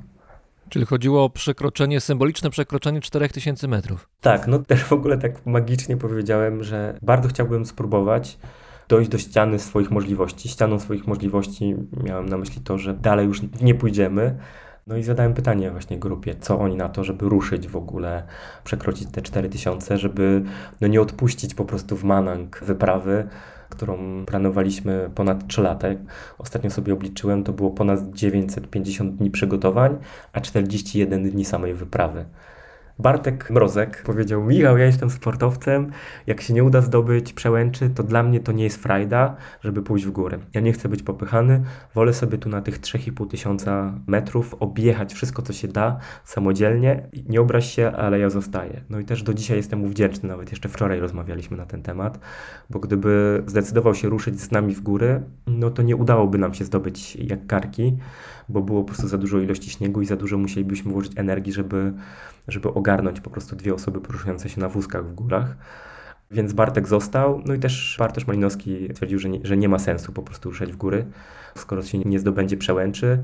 Więc z grupą szerpów, z grupą tragarzy, z Liskiem Witajem i Elizą Marcinem ruszyliśmy. No i z powodzeniem udało się tam dotrzeć. No i to jest nieprawdopodobne uczucie być w górach wysokich i to jeszcze być w takim momencie, że też żeby tak opisać, to w dzień świeciło bardzo, bardzo mocne słońce i dookoła było totalnie biało przed Jakarką. Nie było ani jednego elementu, który by był czarny. Było tyle śniegu, że wręcz był taki moment, że ten łazik jechał 10 km, wjeżdżając w ten śnieg, coraz wyżej, coraz więcej śniegu, więc wręcz ten śnieg przepychany był przez ten łazik i na 10 kilometrze ten łazik się zatrzymał. Powiedział po prostu, nie ma opcji, żeby ruszyć dalej. No i zostało nam półtora kilometra do Jakkarki, 10 kilometrów wstecz. Wstecz byśmy nie zdążyli przed nocą, tak jak wspomniałem, tam spadała temperatura poniżej 17 stopni, więc musielibyśmy zrobić obozowisko w nocy. Na tyle osób nie byliśmy w stanie tego zrobić, więc musieliśmy do przodu. No i też przygotowania sprawiły to, że udało się zdobyć tą jakarkę, bo będąc jeszcze w Polsce, znalazłem w internecie takie urządzenie, które nazwałem taczko noszami. Czyli tak jakby połączyć dwie taczki ze sobą z kółeczkiem na środku i zamiast elementów, w którym wrzuca się na przykład, mm, nie wiem, piasek, to jest takie siedzonko, na którym można usiąść. I poprosiłem Liska, żeby wyspawał takie taczkonosze i poprosiłem go, żeby były lekkie i rozkładalne. I zrobił to. I zrobił taczkonosze, które ważyły 9 kg, były rozkładane z kilku dobrych elementów, że można było po prostu je dotroczyć do łazika. No i jak się ten łazik zatrzymał, to rozłożyliśmy taczkonosze, przełożyli mnie na taczkonosze, no i szerpowie, tragarze, lisek dopchali mnie wręcz fizycznie po prostu do tej jakarki. No i dzięki temu bezpiecznie spędziliśmy noc pod dachem. No i tak symbolicznie, tak jak powiedziałeś, zdobyliśmy te 4000. To jest niesamowite, bo ostatnie pół godziny, jak rozmawiamy, mam wrażenie, że cały czas mówisz na uśmiechu. Nie wiem, czy zauważyłeś. Yy, no kurczę, jak nie mówić na uśmiechu, to jest... Yy... No ale przecież nie udało się, przecież no, wyprawa nie zakończyła się sukcesem. No jeżeli byśmy patrzyli na encyklopedię, no to wyprawa Wiltshire Trip Himalaya i tak dalej, tam ta nazwa angielska, o której mówiliśmy, z końcówką 2021, nie zakończyła się sukcesem, to znaczy nie zostało zrobione to, co zaplanowaliście w wersji maksimum. Ale i tak jesteś zadowolony, jak słyszę. Ja się zorientowałem, że to, że wyznaczam sobie jakiś trudny cel, i to, że udaje mi się go realizować, czy dojść do niego, to jestem szczęśliwy. W tym przypadku najtrudniejszą rzeczą, jaką widziałem przed wyprawą, nie było wejście na 5416, czyli zrobienie tego szlaku, tylko było przygotowanie wyprawy, żeby się tam znaleźć. I to dokładnie się udało, czyli wykonałem wszystkie rzeczy, które sprawiły, że znalazłem się w Himalajach, które sprawiły, że znalazłem się w górach które sprawiły, że doszedłem do ściany swoich możliwości. W tym przypadku totalnie tak się wydarzyło. No nie mogłem pokonać fizycznie sytuacji lawinowej czy śniegu, ale zrobiłem wszystko, żeby tam się znaleźć najdalej, jak tylko można było zrobić. No i chyba stąd wynika to szczęście. Po prostu no w takim swoim rozumieniu, nawet jak patrzę wstecz, to zorganizowanie wyprawy w Himalaje dwóch chłopaków na wózkach, zbudowanie specjalnych łazików, których nie ma na świecie, żeby jeździć po tych rzeczach, przygotowanie się w Polsce, trenując w ogóle w Polsce. Na przykład zrobiliśmy test w Polsce na łazikach i dotarliśmy do liny, która wozi towary do pięciu stawów. Weszliśmy tym szlakiem do tej liny. To jest bardzo ekstremalne doznanie, żeby tam się dostać na takim łaziku elektrycznym. No i to po prostu wszystko się, no chciałem powiedzieć, udało, nie udało. Wypracowaliśmy, że doszliśmy do tego. Też zorganizowanie partnerów, czy sponsorów, czy wykonanie naprawdę godzin pracy, żeby też dorobić do tego projektu bo będąc osobną sprawną, pojechałbym do Norwegii na zmywak, popracował przez półtora miesiąca i zrobił ten szlak bez, bez większej logistyki, a w tym przypadku trzeba było zbudować machinę. Sądzę, że, że osoba sprawna mogłaby ośmiotysięcznik zdobyć za tą logistyczną energię włożoną w ogóle w tą wyprawę zrobić. Więc może stąd wynika właśnie ten, ten uśmiech i no jestem super zadowolony, mega dumny i jeszcze bardziej z tego, że na przykład Bartek po powrocie z wyprawy Dwa dni po wyprawie zadzwonił do mnie. On, tak jak wspomniałem, nigdy nie był poza Europą. Zadzwonił do mnie i powiedział, że bardzo dużo się rzeczy nauczył, że cały czas w nim krążą te rzeczy, które się tam wydarzyły i że dostał bardzo dużo takich trudnych sytuacji, z którymi sobie poradził. I powiedział mi, że, że chciałby mnie zostawić z informacją, że jeśli bym myślał o kolejnej wyprawie, to fajnie by było, żebyśmy zrobili ją mm, razem. Więc to jest też taki no, super nagroda w ogóle za to wszystko. Więc tak. To ja od razu podpowiadam, że istnieje coś takiego jak Karakorum. Yy, to był alternatywny plan na Anapurnę.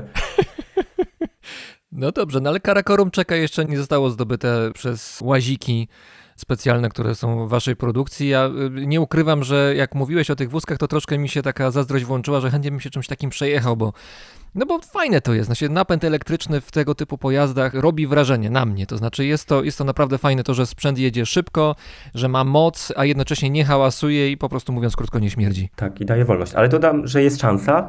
No po pierwsze, jak się gdzieś spotkamy, to na pewno dam ci się przejechać. Ale teraz mieliśmy O! taką akcję, że zastanawialiśmy się, jak w ogóle też obrócić to w ogóle w dobro, też te łaziki.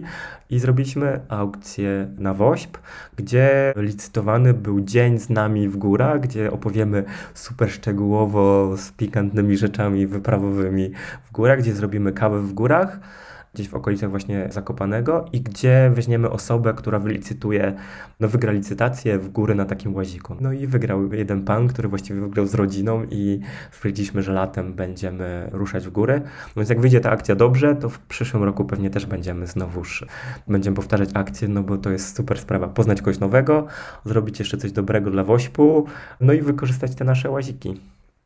Bardzo Ci dziękuję za przemiłą rozmowę. Razem z nami był Michał Woroch, czyli człowiek od zadań specjalnych, wynalazca i innowator. Dziękuję. Do usłyszenia i do zobaczenia na szlaku.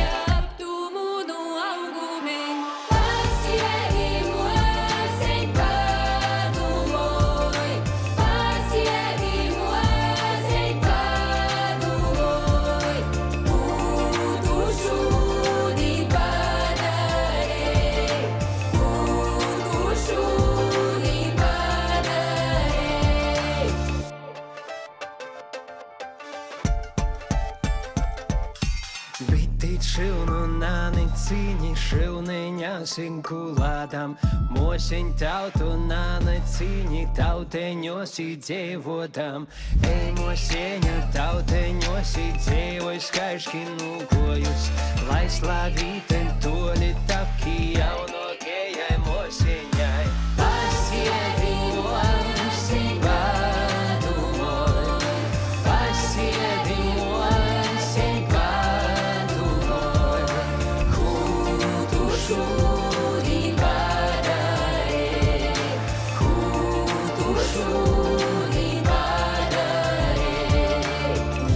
Māsiņa, kā pirms ceļam piesēžam uz brīdi, apstāsies pasaule, ik laikas brīdis, un tad dzird klusumu visbuļu zvanos, un putnus, kas viņu pavasara tuvošanos.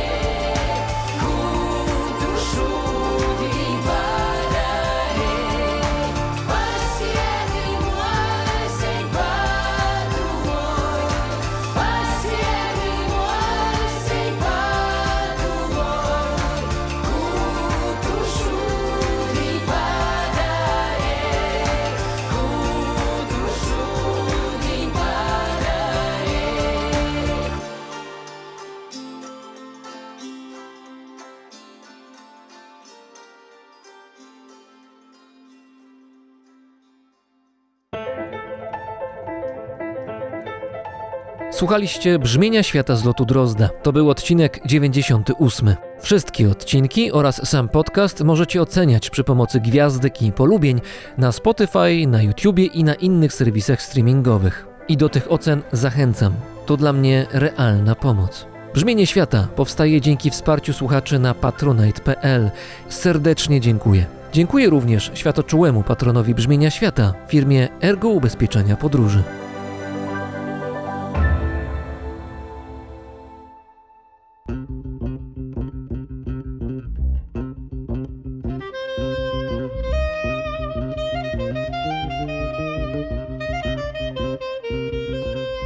Paweł Drozd, czyli ja, mówi Wam dobrego dnia.